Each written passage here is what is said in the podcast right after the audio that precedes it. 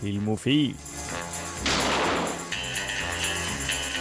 Studentradioens eget filmmagasin. Lights ready? All set. Cameras. Act! Har du, kjære lytter, noen gang tenkt for deg sjøl at jøss, film må jo være noe av det beste i hele verden? I så fall, gjett om du har tuna inn på riktig radioprogram. Du hører på Filmofil på Radio Revolt, og i dag skal vi som vanlig se på helgas kinopremierer. Vi har intervjua regissør Erik Skjoldberg i anledning Nokas-filmen, og vi har videopremierer, filmmusikk, nyheter og massevis. Her får du The Vaccines med If You Wanna.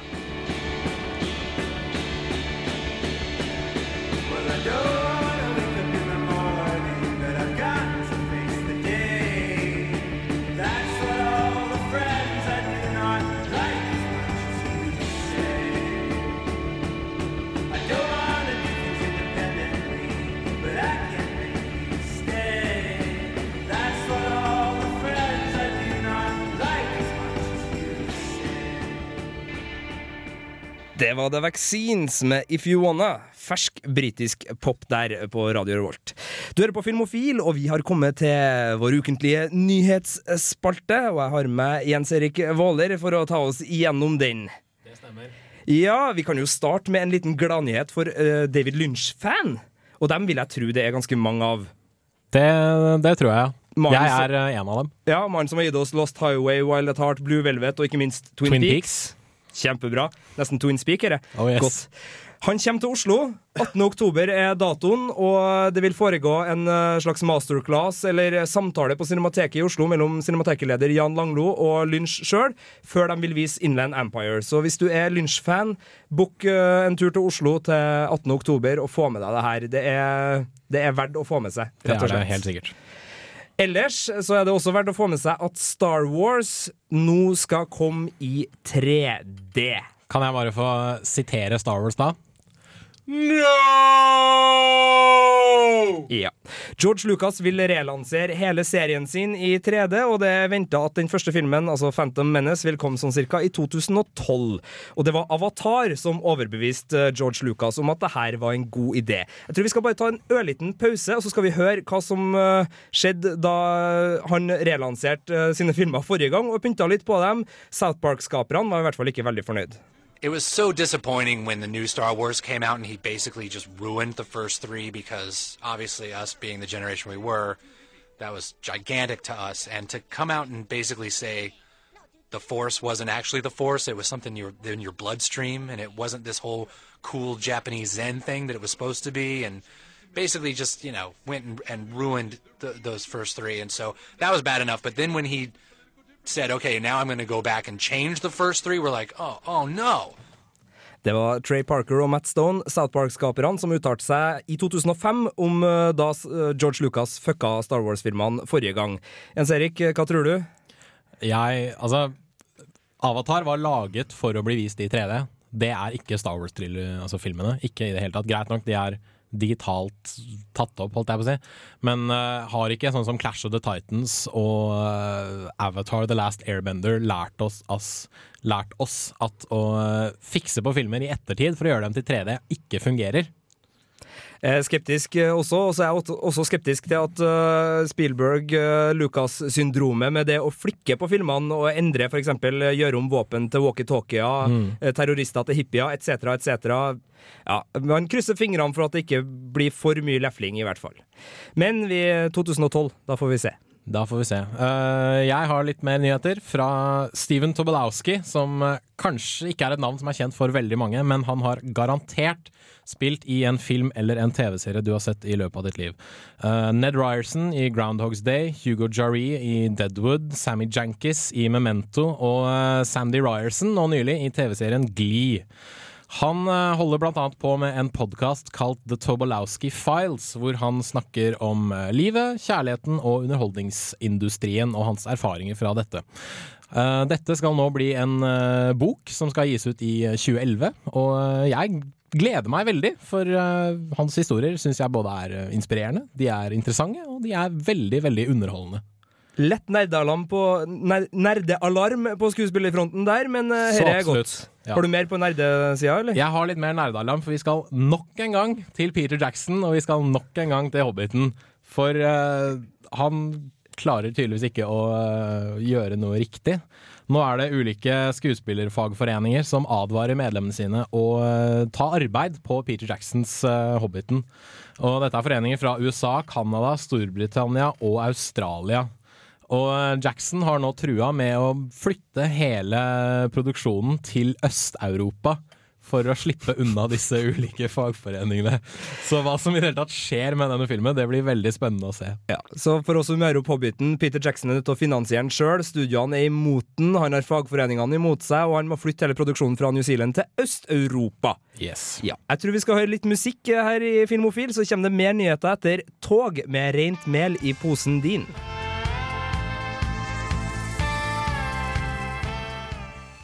Det var tog her på Filmofil. Rent mel i posen din. Vi snakker filmnyheter, og vi skal over på en litt eh, sørgelig note. Det stemmer, for uh, Sally Menki, som er eh, Tarantinos faste klipper, gikk uh, nylig bort i en Det var vel en slags gå- ut, eller turulykke. Fjellturulykke Fjellturulykke, ja. oppe ved Hollywood-skiltet i Hollywood Hills. eh. Der eh, den 56 år gamle filmklipperen eh, ble funnet død nå i, i uka som gikk. Og det her var ikke noen hvem som helst, det var Tarantinos faste klipper som hadde fulgt den fra alle sine filmer, Reciver Dogs og oppover. Vi kan høre litt hva Tarantino sjøl hadde å si om sin filmklipper. Well, Sally has been hands down my number one collaborator. She's worked with me on every movie I've done, from Reservoir Dogs on. I am a writer director, and the editing process and the writing process are very married to each other. They're they're very connected. So much so that I truly feel that the final draft of the script is actually the first cut of the movie. And the final cut of the movie is the last draft of the script. This is the stuff that needs to be in there to tell your story. And uh, I don't write with anybody, I write by myself. But when it comes to the editing, I write with Sally. And it's the true epitome, I guess, of a collaboration because I don't remember what was her idea, what was my idea. We're just right there together. Det var Tarantinos egne ord om sin filmklipper som eh, nå har gått bort. Vi har fått eh, fulgt opp Filmofilstudioet. Jonas Kirkhus, eh, Helene Hersdal, Jan Erik Våler og meg sjøl, Sigurd Vik, som sitter her nå. og det er jo ganske trist det her i forhold til at mye av Tarantinos scener, som han er mest kjent for, eh, har jo blitt gjort i et samarbeid mellom Tarantino og hun Sally, som nå har gått bort. Og jeg lurer på om vi skal hedre dem med litt minne. Skal vi ta en runde på, på favorittscener fra Tarantinos eh, katalog? Vi kan starte, eh, Jens Erik. Uh, ja, Uh, jeg uh, det, første, altså det aller første jeg kommer på, er faktisk biljaktscenen fra Death Proof. Så jeg har et veldig eh, hva skal jeg si, nytt forhold til, eh, til dette her. da, Hvor eh, i en mer tradisjonell actionfilm så ser man gjerne ikke noe som eh, foregår i disse actionscenene. Om f.eks. Uh, Michael Bay hadde hatt regi på denne biljaktscenen, så tror jeg ikke vi hadde skjønt, skjønt nei, Da hadde vi vel sittet i kinosalen enda, for den hadde vel aldri slutta, den biljaktscenen. Yes, det er jeg fullstendig enig i. Men hun, klippinga syns jeg er veldig god, for man får oversikt, selv om det er en veldig kaotisk og heseblesende scene. Og eh, helt på slutten, når Kurt Russell får uh, gørra banka ut av seg av disse fire, nei, tre jentene, så føler man slagene litt sånn ekstra hardt når man bytter til en ny uh, innklippsvinkel eh, per slag. Så jeg syns det er en fantastisk godt klippa scene. Helene, har du en, eh, en, en, et lite klipp fra Tarantino? Ja, Um, nå er ikke jeg så godt, med Tarantino, godt kjent med Tarantino som eh, noen av dere kanskje er, og på klippefronten så uh, veit jeg ikke helt. Eh, men uh, Inglorious Bastards, var eh, Bastards, som var en av de seinere filmene til Tarantino, syns jeg scenen hvor de er eh, inne i det her teateret og skal da fremstå som eh, italienske, og Brad Pitt, eh, erkeamerikanske Brad Pitt, han tar liksom styringa, dette kan han. Og så kommer han her eh, slemme SS-fyren inn og bare Hans Lamba. ja, snakker på flytende italiensk og står der og skjønner ingenting, blir tatt ganske på senga. Det er en morsom scene, altså. Buongiorno. Arrivederci. Det er fin. Jonas Kirkås. Eh, min eh, favoritt, eh, som jeg kom på med en gang du spurte meg, er òg fra Inglorious Bastards. Eh, når de sitter nede i kjelleren og har eh, sitt første sånn møte sammen med Bridget eh, von Hammersmark. Og de spiller kort og de leker, og så det, blir det ganske intenst etter hvert. Og stemningen er ganske intens i seg sjøl, men klippet er liksom perfekt bygd opp, og vinklinga sånn, det er med på å bygge opp den rette stemningen. Det er godt. En god filmklipper, eller editor som eh, det ofte vil stå på, på eh, rulleteksten, er jo virkelig viktig for en film. Altså, det handler om intensiteten i en scene, det handler om hvor godt man får formidla det. Men av og til så handler det om å la være å klippe, rett og slett. Jeg tror vi skal ta en liten titt på den første filmen eh, av Tarantino på regifronten. Vi skal til Recyber Dogs, ei scene hvor et øre blir klippet av. Hele greia er rett og slett bare at vi ser aldri at øret blir klippet av, for det klippes ikke. Det bare filmes i taket.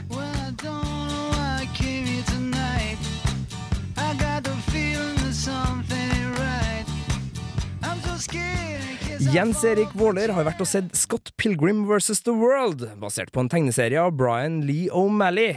Forventningene til gutten var uten tvil skyhøy.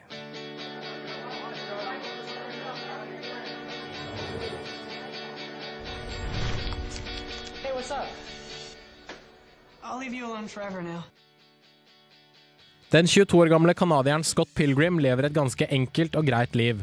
Han dater en 17 år gammel high school-jente, snylter på romkameraten og spiller bass i bandet Sex Bob-Omb. Livet er akkurat slik Scott ønsker at det skal være. Ukomplisert. Når han treffer Ramona Flowers, derimot, forandrer situasjonen seg drastisk. Mr. Pilgrim! I'm Ramona's first evil ex-boyfriend. We're fighting over Ramona? Didn't you get my email explaining the situation? I skimmed it. Ramona har nemlig en del svin på skogen i form av syv onde ekskjærester. Deres oppdrag å ta Scott av dage. Scott Pilgrims verden fungerer nemlig på dataspillogikk, med power-ups, poeng, ekstra liv, kule sverd og kung fu moves. Der man vanligvis ville brytt ut i sang og dans i en musikal, går det her på nevene løs til motstanderen eksploderer i et hav av småmynter. Scott er faktisk en dust, men fy fader som han kan sparke ræv. We all have baggage. Yeah, well, my baggage doesn't try and kill me every five minutes. Fra første slåsskamp til en eksplosiv finale disker regissør Edgar Wright opp med harde slag, høye spark, mystiske superkrefter og blendende spesialeffekter. Det som lett kunne bli en surrealistisk og hyperaktiv suppe av slåssing, visuelle effekter, hipstermusikk og popkulturelle dataspillreferanser, for dem er det jaggu mange av, har blitt et godt balansert buffé med interessante karakterer, kule bad guys, masser av humor, fet musikk og store mengder originalitet. I dislike you, capiche? Tell to the cleaning lady on Monday. What? Because you'll be dust by Monday. Um, Because you'll be pulverized in two seconds. And the cleaning lady, she cleans up dust. She dusts. Mange kommer til å mislike Scott. Han er en lat, sytete, klengete, umoden og ekstremt selvsentrert person. Ramona på sin side har problemer med å binde seg, er emosjonelt avvisende og flykter fra fortiden sin. Men det er akkurat det som gjør Scott Pilgrim vs. The World så interessant. Folk kan kjenne seg igjen i både Scott, Ramona og vennegjengen rundt dem. Det faktum at Scott er en dust, men ikke slipper unna med det, gjør at et overdrevet tegneserieunivers klarer å forbli jordet til tross for et over the top premiss. Scott, if your life had a face, I would punch it. Yeah. Wait. Filmen er dessverre ikke helt perfekt. Det faktum at seks tegneseriebøker har blitt komprimert til én film på under to timer, gjør at historien føles forkortet og kanskje litt raskt fortalt i noen deler av filmen. Jeg skulle gjerne ha sett mer av Scotts univers og blitt enda bedre kjent med de ulike bikarakterene. De syv onde eksene er tydeligvis basert på ulike typer dataspillbosser, men ikke alle får like mye tid på lerretet. Noen av dem har til og med ikke replikker. Skuespillerprestasjonene er heldigvis veldig gode over det hele, og det er godt å se Michael Cera spille en karakter i en romantisk komedie som ikke er den perfekte, følsomme 16-åringen han vanligvis spiller. If she's the girl of your dreams, then you have to let her know. Step up your game, Scott. Break out the L word. Lesbian? The other L word. Lesbians? Scott Pilgrim vs. The World har noe for de fleste. Er du glad i dataspill og populærkultur? Filmen er full av referanser og throwbacks til 90-tallet. Er du glad i kung fu? Kampscenene er velkoreograferte og stilige å se på. Er du en spesialeffekt-junkie, kommer filmen til å blåse deg bakover i setet og tenne på netthinnene dine. Er du glad i en godt fortalt historie, dype karakterer og et innblikk i hvordan dessertgenerasjonen kontekstualiserer forhold, kjærlighet, svik og livet generelt, Scott Pilgrim vs. The World har og er akkurat det. Dette er den perfekte film for nedlastningsgenerasjonen, og har potensial til å bli en kultfilm for übernerder. Men den er mye, mye mer enn bare det. Er du i tvil, la meg si det klart og tydelig. Se Scott Pilgrim. Med en gang. Terningkast seks. That was epic. Full pott til Scott Pilgrim vs. The World fra Filmofil. Her får du filmrelatert musikk. Smashing Pumpkins med Today.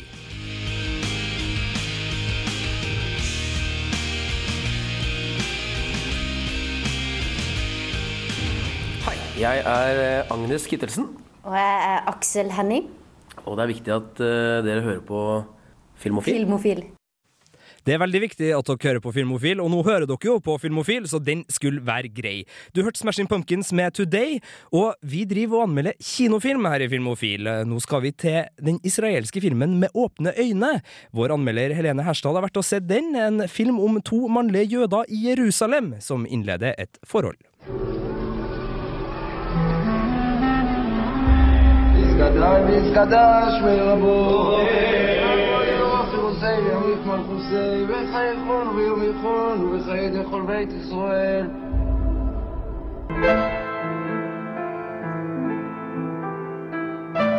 Aron er en jødisk familiefar som bor i Jerusalem.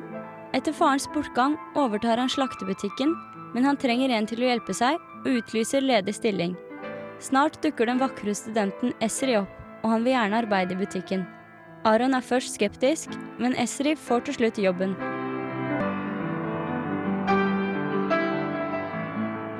Det tar ikke lang tid før det utvikler seg et hett forhold mellom de to, noe som blir sett på som svært provoserende i det strengt ortodoksjødiske nabolaget.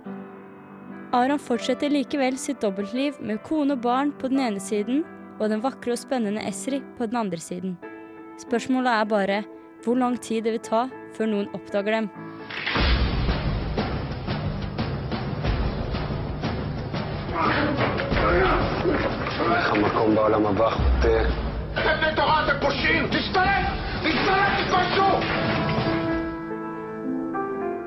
Med åpne øyne er en film som gjør noe med deg selv etter at lysene har kommet på igjen i salen.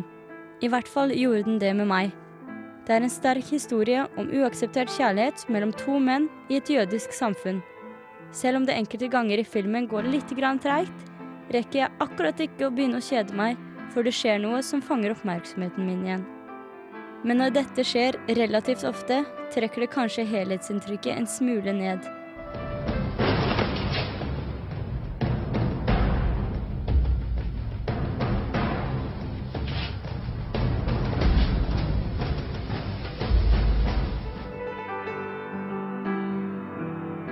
Jeg synes likevel regissør Chaim Tabakman gjør en veldig bra jobb gjennom det meste av filmen.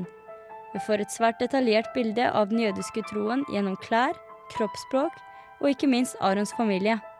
Dette gjør historien mer realistisk, og det er lettere å bli revet med. Det skal også nevnes at Arons kone har den mest behagelige stemmen jeg har hørt ever. At Aron får kjempefine smilerynker rundt øynene hver gang han ser på Esri, og at soundtracket er digg. Terningkast fire. Det var Shimmering Knockout in Reverse. Vi anmelder helgens kinopremiere kinopremierer her i Filmofil, og vår anmelder Jonas Kirkhus har vært og sett Utryddelsen. Den forteller historien om det franske politiets innsamling og utsending av franske jøder i Paris i 1942. Le premier qui mentionne cette foutue étoile, eh ben j'y mets mon pied au cul, c'est clair? Oui, Historien om hvordan fransk politi i 1942 samla sammen 13 000 jødiske menn, kvinner og barn for å sende dem i døden i østeuropeiske konsentrasjonsleirer, har blitt et sterkt historisk drama som er både vakkert og grusomt å se på. Il va falloir déchoir quelques milliers de juifs de la nationalité française. Ils disent que cette fois ils prendront même les enfants. Attendez-moi les gars, soyez pas vaches Les enfants. Mais tu es folle, ma fille. Bonne nuit, mon chéri. Elleve år gamle Jo Weissmann blir vitne til hele prosessen når han og hele familien hans, sammen med de andre jødiske familiene i nabolaget, brutalt blir revet fra hjemmene sine og frakta til sykkelstadion Velodrom d'Hiver, der de under elendige forhold må sitte og vente på neste etappe. Ingen forventer grusomhetene som venter de rundt neste sving. Prenez les enfants On en a combien J'ai dit combien 5000. On devrait peut-être prévenir papa. Papa Jean Renaud og Melanie Laurent gjør solide roller som henholdsvis jødisk lege og frivillig sykepleier, mens barneskuespillerne er meget troverdige. Sammen med nydelig foto og klipp gjør det utryddelsen til en absolutt severdig film om en mindre kjent del av Hitlers endelige løsning. Dieses Volk wird von der Erdoberfläche verschwinden, ausgerottet und ausgemerzt. En zone occupée, votre police rafle elle-même. Sous notre entière autorité. La France, c'est le salut des Juifs. Oh, Hitler, c'est la grosse tête et je n'aime pas les juifs. At alt dette faktisk skjedde i Paris i 1942, synes jeg er ille nok. Når vi ser Hitler i finstasen stå på landstedet sitt og beordre mord på barn mens han hører på Maler, og når lille Nono på fem mister teddybjørnen sin idet han blir satt på toget til Auschwitz, blir det i overkant melodramatisk. Filmen er litt påtrengende med veldig tydelige markører for når publikum skal føle hva. J'aurais dû vous aider à vous échapper. Vous êtes allé aussi loin que vous pouviez. Tu crois qu'on sera grand un jour? Et puisque je vous dis que j'ai rien fait, monsieur. On dit adjudant.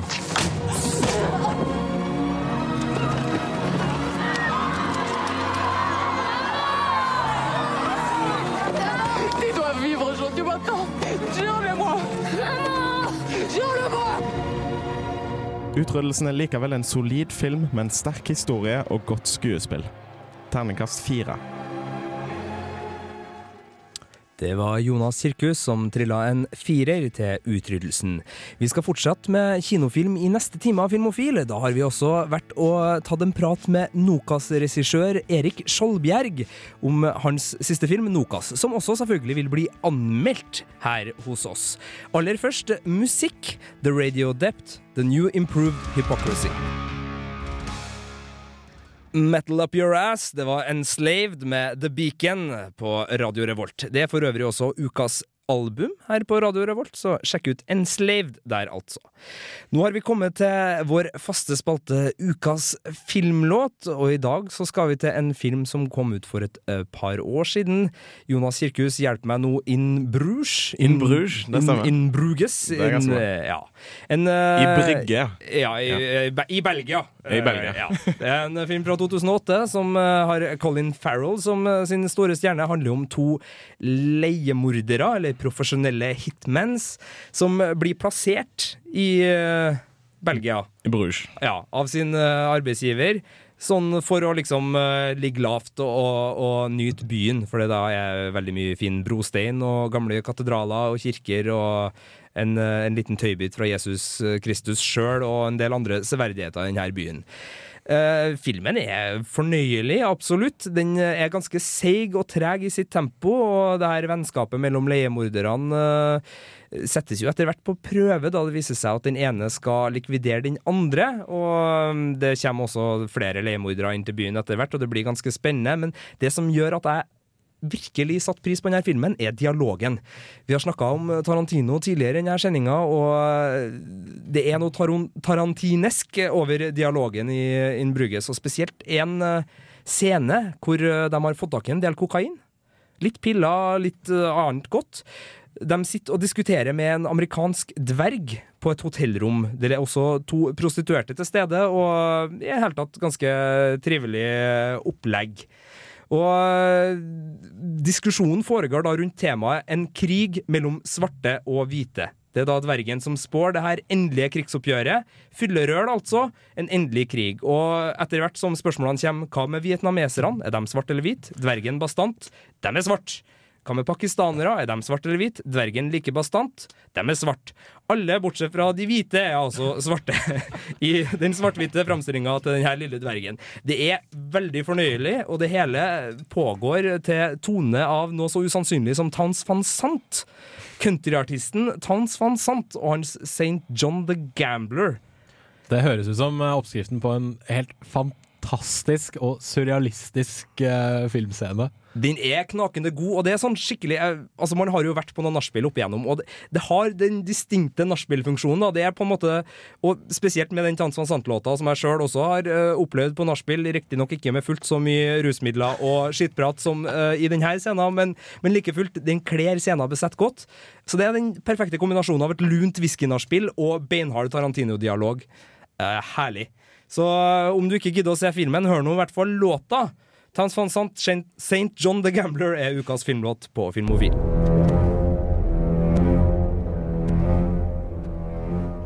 Dette er ukas filmlåt her på Filmofil.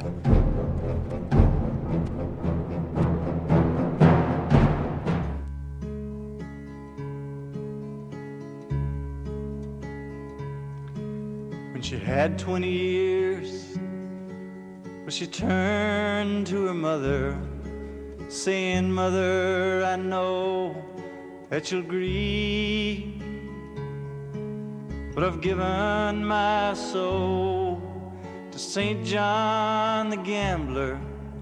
Tomorrow comes time to leave. For the hills cannot hold back my sorrow forever. And dead men lie deep round the door. Oh, the only salvation that's mine for the asking. So, mother, think on me no more. And winter held high round the mountain's breast, and the cold of a thousand snows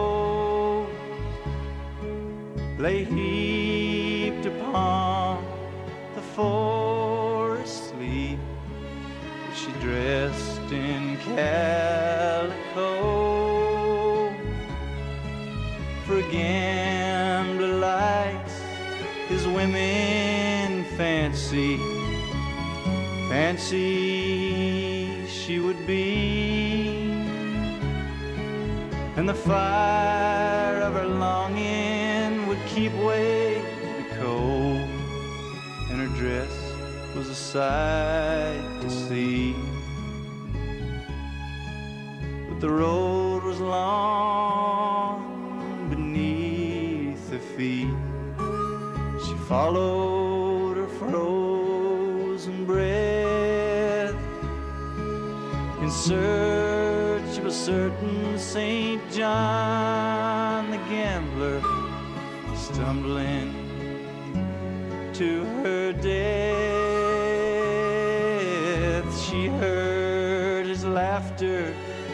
down from the mountains and danced with her mother's tears to a funeral drone or calico neath the cross of twenty years. To a funeral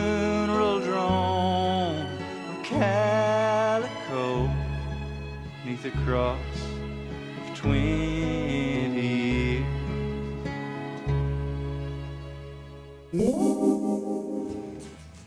Ja, det var Uriah Heap du hører her på Filmofil, Radio Revolt, Lady in Black.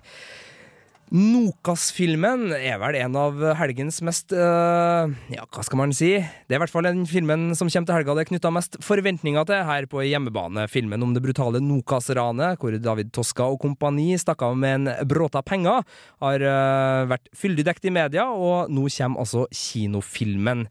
Vi var så heldige og fikk ta en prat med regissør Erik Skjoldbjerg. Og Jens Erik, det var du som var på besøk her. Det var vel en skuespiller også? Det stemmer. Det var eh, Tov Sletta som spiller eh, David Toska i filmen.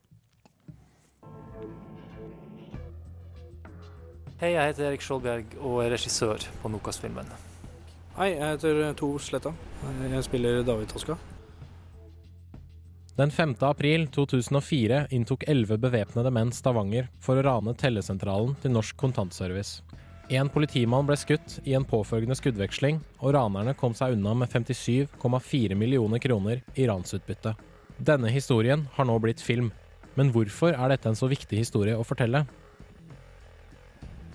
Nokas er en kjernehendelse i, i nyhetsbildet i Norge de siste ti årene. Det er på en måte den hendelsen som mest som klarest definerer hva som skjedde med Norge i eh, 2000-årene. Og um, det gjør den fordi den bringer noe nytt inn i, i det offentlige rom. Altså det, det, er noen, det, er noe nesten teatralt med det hele. Eh, ranere som kler seg ut som politi og eh, tenner på en eh, lastebil for, for, å blokkere politiet inne.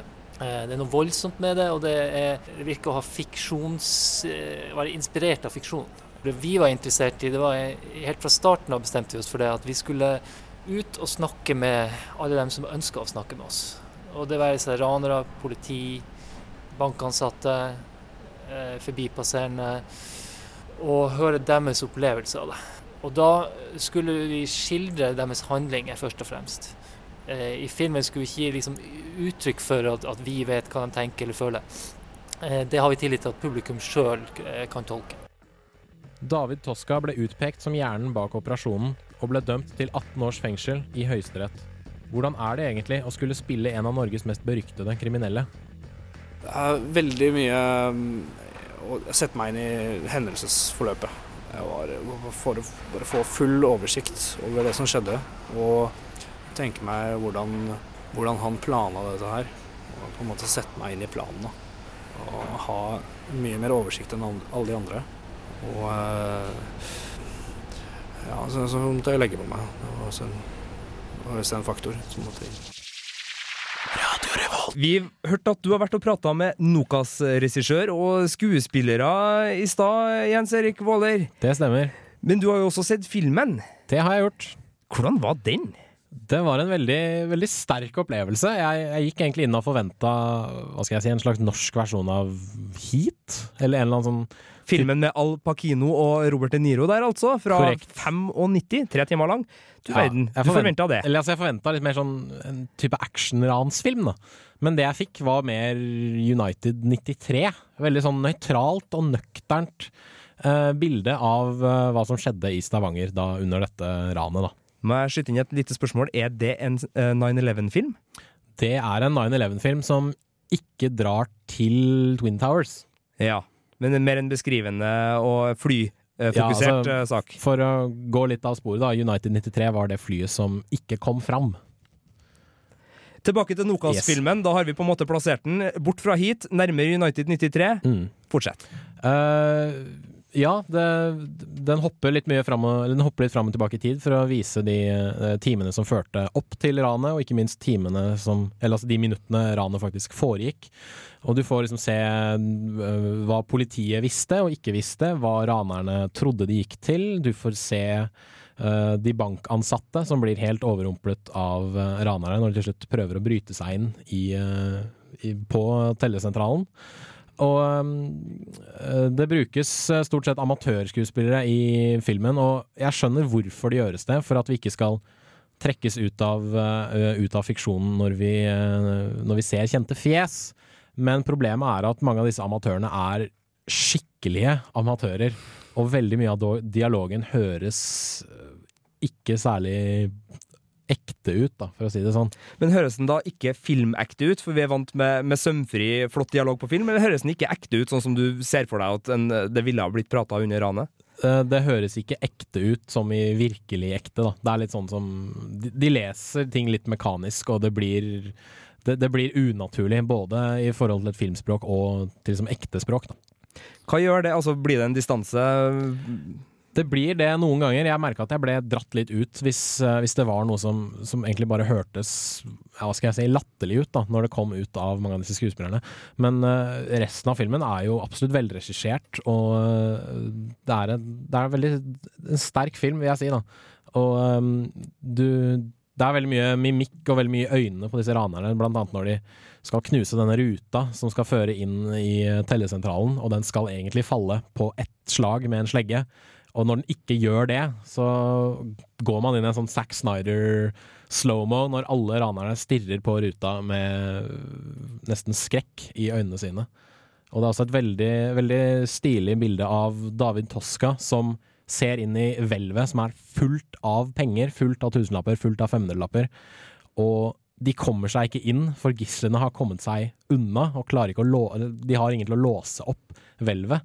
Og bare se skuffelsen i øynene hans gjennom masken er Det er faktisk veldig, veldig sterkt. Ja, jeg vet jeg bruker det ordet veldig mye nå, men uh. Det er lov. Jeg er litt uh, nysgjerrig på det med at det her er jo en fiksjonsfilm som portretterer en virkelig hendelse som har vært grundig dekt i media, og som mange har et forhold til, og som hadde en veldig tragisk uh, faktor i seg ved politimannens dødsfall. Mm. Føler du at det er ei riktig historie? Altså Er det her på en måte ei, ei sann historie som formidles på kinolerretet? det virker i hvert fall veldig ekte, det jeg ser. Og det kan jo rett og slett være den altså bruken av håndholdt kamera og uh, mangel på filmmusikk i store deler av filmen. Og ja, det, det virker som, en, som om det er det som har skjedd, da, for det er jo basert på på vitnesbyrd og ulike sånne ting. Og det kan jo hende at de har tatt seg et par friheter her og der, men stort sett så fikk jeg inntrykk av at dette var sånn det faktisk skjedde. da. Uh, jeg er litt usikker på om en av uh, politimennene faktisk sa 'der er banken, der er ranerne, begynn å skyte'.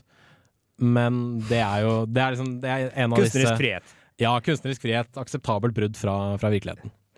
Oppsummer Nokas. Uh, sterkt st uh, Unnskyld. Sterkt uh, portrett av en ganske brutal og til tider skremmende hendelse, som behandler egentlig situasjonen litt med, med silkehansker. Det er ingen som blir gjort til helt, men det er egentlig ingen som blir gjort til skurk heller, for både politi og ranere skildres med, med samme hånd. da. Og, men dessverre så blir det veldig mye Man blir revet ut av fiksjonen når disse amatørskuespillerne ikke, ikke kan spille. Du skal få bruke din hånd til å trille en terning. Det blir en uh, sterk firer til uh, Nokas-filmen. Den er absolutt uh, verdt å se. Sterk firer til Nokas. Vi skal over til en kar som ikke er spesielt glad i politiet, i hvert fall ikke sånn som han uttrykker seg musikalsk. Vi skal til Dr. Dre. Forgot About Dre.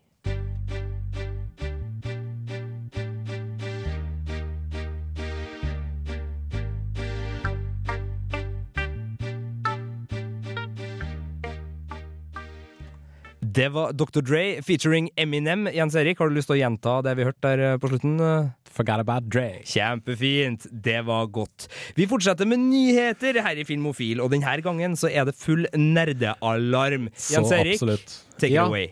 Uh, først så skal vi til uh, Supermann, for uh, det skal rebootes igjen. Det var tydeligvis ikke nok med Bryan Singer sin midcool. Sånn, nerdepause på der. Du sier rebooting. Høres ut som dataspråk for meg. Hva betyr det? Det betyr at man rett og slett går tilbake og starter opp noe på nytt. Supermann der altså. Går tilbake og starter opp serien på nytt. Yes, og Da skal Christopher Nolan stå bak som produsent, og nå har Darren Aronofsky, som nylig viste Black Swan på Toronto Film Festival, har blitt lagt til en liste over potensielle regissører sammen med Tony Scott, Matt Reeves, Duncan Jones og Zack Snyder.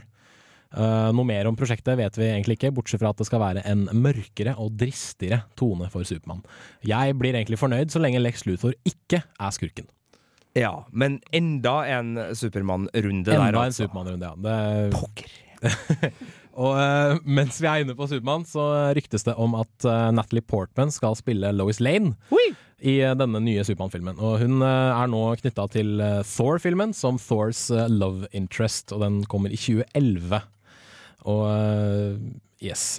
Videre til noe Christopher Nolan står bak. Han sier at det er Uh, man kan trygt anta at Christopher Nolan skal ha regien på Batman 3, altså oppfølgeren til The Dark Knight. Men var det egentlig noen tvil over det? Altså, trodde man at noen andre skulle ta regien på en eventuell oppfølger til Dark Knight?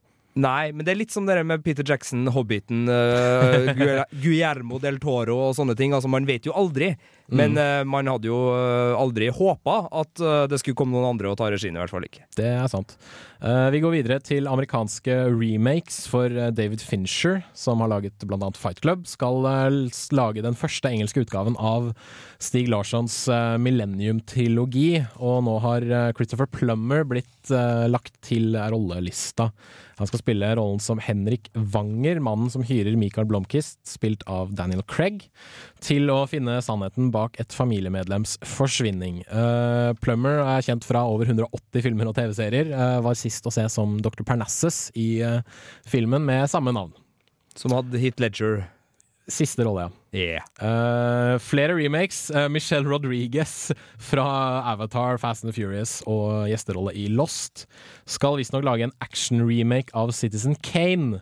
For de som ikke kjenner til Citizen Kane, det er den, som, den filmen som flest ganger har blitt kåret til verdens beste film. Ja, Orson Wells eh, klassiker der, fra er det 30-tallet? Korrekt. Ja. Uh. Rosebud er vel et stikkord som kanskje vil ringe hos noen. Yes, Uh, Og Citizen Jane skal slippes på 70 Du kødder? Det kødder ikke. Citizen Jane. Citizen Jane skal slippes på 70-årsjubileet til originalen. Og uh, Rodriguez spiller Charlotte Foster Jane, en snikmorder som skal hevne drapet på sine foreldre.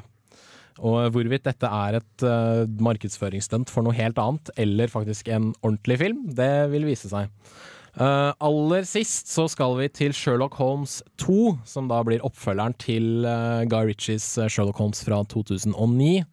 Der har uh, Stephen Fry blitt rakt, lagt til castet som Holmes' bror Mycroft. En mann langt smartere, men også langt mer lat enn det Sherlock Holmes er. Og eh, personlig så tror jeg Fry passer perfekt til rollen som en syrlig, sarkastisk og ikke minst pompøst geni. Uh, filmens skurk har også blitt funnet. Uh, Jared Harris fra TV-serien Mad Men skal nå tre inn i rollen som Moriarty, Sherlock Holmes' nemesis og motpart. Uh, ellers så kan vi jo nevne at svenske Nomi Rapaz også har blitt med i filmen, så da går vi litt sånn full circle tilbake igjen til Millennium-filmene. Veldig godt. Jeg skal bare nevne at for dem som er veldig glad i Stephen Fry, og som også venter i veldig stor spenning på de siste Harry Potter-filmene, så har han en aldeles nydelig lydbokutgave av Ja. de bøkene. Så dem som venter i spenning, hør gjerne bok sju, Stephen Fry. Det var vel eh, nerdenytt eh, for denne gang, eh, Jens Erik? Det var det. Skal vi snurre litt musikk her i Filmofil? The Octopus Project. Fugu er fat.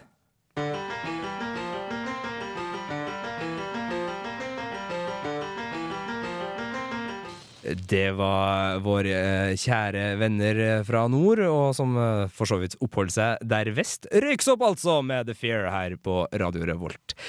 Nå er det tid for litt videoprat framover. Vi skal se litt på det som kommer på Blu-ray og DVD denne uka. Blant annet skal vi se på Ben Stillers nyeste film Greenberg. Og det er ikke intet mindre enn tre ulike CSI-franchiser som skal gi ut sine sesonger denne uka. Så det blir videoprat på Filmofil. Ikke stikk noen plass, men aller først Dakari med Them. Du hører på Radio Revolt, studentradioen i Trondheim. Radio Revolt, ja. Og det var America du hørte der før eh, den eh, myndige røsten fortalte deg hvordan kanal du hørte på. Programmet er forresten Filmofil, og vi anmelder videofilm. Ben Stiller eh, han hoppa vel over kinoen med sin siste film, men Greenberg er i hvert fall ute på Blu-ray og DVD denne uka. Den filmen har du sett, eh, Jens Erik? Det har jeg, og um, ja, Ben Stiller rett på DVD burde man kanskje hoppe litt over, tror jeg. Men eh, det er vel kvalitet i alle ledd og en fin produksjon og Eller jeg kan jo starte med det greie, da. Hva handler filmen om? Eh, filmen handler om uh, ja, en fyr som heter Greenberg. Nå har jeg faktisk glemt fornavnet hans. Det er amatør. Uh, som Han flytter inn i, i broren sitt hus fordi han har hatt et nervøst sammenbrudd og skal nå leve et liv hvor han gjør ikke noe.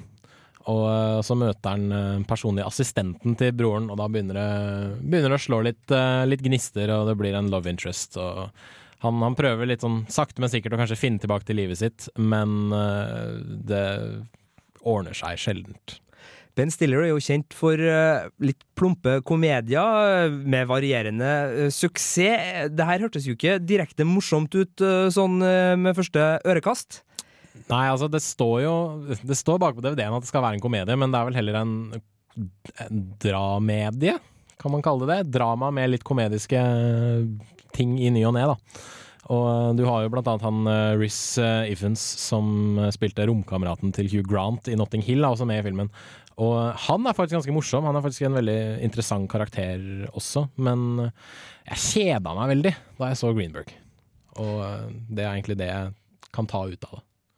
Eh, Den, den der litt mullefunkende trenger litt tid på å komme seg, gjør ikke noe, kanskje i tillegg litt uh, rus. Det er jo en uh, historie som har prega ganske mange sånne dramakomedier, Mm. og til og med sånn Garden State, som har vært uh, ganske suksessfulle filmer. Ja. Og, og gode filmer. altså Treffer noen nerver? Er det, er det litt sånn lavmælt og underfundig på noe vis, det her? Den jeg tror den kanskje skal appellere litt til hva skal jeg si, aldrende mennesker som kanskje har følt seg litt utbrente. da. Men nå er jo jeg 22 år og har aldri følt meg særlig utbrent, så det, det treffer ikke meg på noen som helst måte. Og eh, Ben Stiller prøver å, å vise at han har litt, litt dramatiske muskler. og han får jo vist det, men ikke før de siste ca. 15-20 minuttene mot slutten av filmen.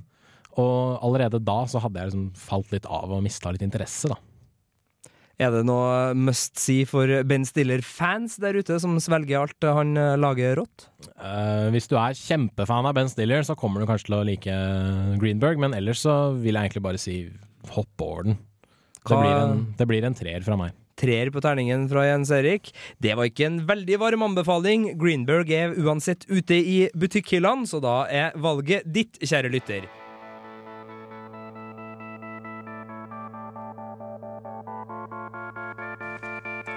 Det du hører her, er eh, rett og slett CSI-kjenningsmelodien, og grunnen til at du gjør det, er rett og slett fordi CSI har storslipp i videohylla denne uka. CSI Las Vegas sesong 9, CSI Miami sesong 7 og CSI New York sesong 5 slippes alle, både på DVD og Blu-ray. Og eh, som rent personlig, jeg har nå sett det meste av det her, jeg koser meg. Spesielt CSI Las Vegas. Aldeles fortreffelig underholdning. Sesong ni er også en spennende sesong. De som uh, kjenner serien og har fulgt den, har jo sett da sjefsetterforsker Gil Grissom i åtte sesonger før det her. Nå eh, begynner han å trekke seg litt tilbake, og vi får eh, kjendisskuespiller Lawrence Fishborn inn i eh, ja, ca. midsesong, og han har nå også da tatt over på fulltid. Og det er klart, et stjernemøte, som man kan si det er, når Lawrence Fishborn og da William Peterson, som han heter han som spiller Gil Grissom, det, det, er, det er god, god CSI-ere. Jeg gidder ikke å si så veldig mye om CSI hva det er, for det vet dere. Dere har sett det. Serien har gått på TV Norge i snart ti år, og den har da avdelinger som sagt i Las Vegas, eh, New York og, og Miami med litt ulike ting. Men eh, Jens Erik, Ja. eh, rett og slett bare spør deg, hva foretrekker du? Er du Las Vegas-mann, Miami-mann eller New York-mann? Jeg er nok en Miami-mann mest på grunn av Horatio Kane. Det er en tøffing, det. Han er en steintøffing, og sånn som sikkert de fleste andre, så er jeg veldig glad i alle de cheesy one-linerne han drar i hver eneste episode. Skal komme tilbake til one-linerne der. Eh, Vi kan jo bare kort nevne at litt sånn forskjellen på de her CSI-ene er på en måte at Las Vegas er den trivelige, litt nostalgiske, koselige CSI-versjonen. Miami, med one-linerne til Horatio Kane, er den litt tøffe, hardbarka, brutale. Mens New York er litt mer den der eh, gritty, litt sånn thriller-spenningsaktige, som York- av og til kan være skummelt, til og med. New York er litt, eh, i hvert fall i de første sesongene, var de litt sånn kaldere. Det var litt blåere farger og sånt, noe, så det var veldig sånn kjølig og hva skal jeg si, litt kynisk. Ja, og det, det, altså det skjer ikke noe sånn voldsomt mye verken i New York eller Miami på de her sesongene. Det er som, som det pleier å være. En, en gjesteopptreden i Miami av Puff Daddy hever dem litt, eller så er det, er det på det jevne. CSI derimot, som sagt, Lawrence Fishborn inn, og i tillegg eh, en mer eh, Nick Stokes-orientert eh, sesong, det her. Dere skal få veldig mye mer Las Vegas hvis dere går på våre hjemmesider, som er www.radiorevolt.no slash filmofil. Der vil det komme fyldige anmeldelser av alle tre sesongene. Uh, men tilbake til, til Miami, Jens Erik. Ja. Uh, han her Horatio Kane. Det stemmer. Uh, da kan jeg egentlig bare si som Horatio Kane at da var den saken i boks. Det var The Who, Won't Get Fooled Again, kjenningsmelodi fra CSI Miami. Vi begynner å nærme oss slutten her i Filmofil. Vi har anmeldt helgas kinopremierer. Den israelske med åpne øyne fikk fire. Utryddelsen fikk fire. Nokas-filmen om Nokas-ranet fikk også fire. Og Scott Pilgrim vs. The World fikk en sekser her i Filmofil. Vi var også på videosida. Der fikk Greenberg en treer. Og CSI eh, sesong etter sesong etter sesong får sånn jevnt over tommelen opp, om ikke annet. Se mer på radiorevolt.no slash filmofil.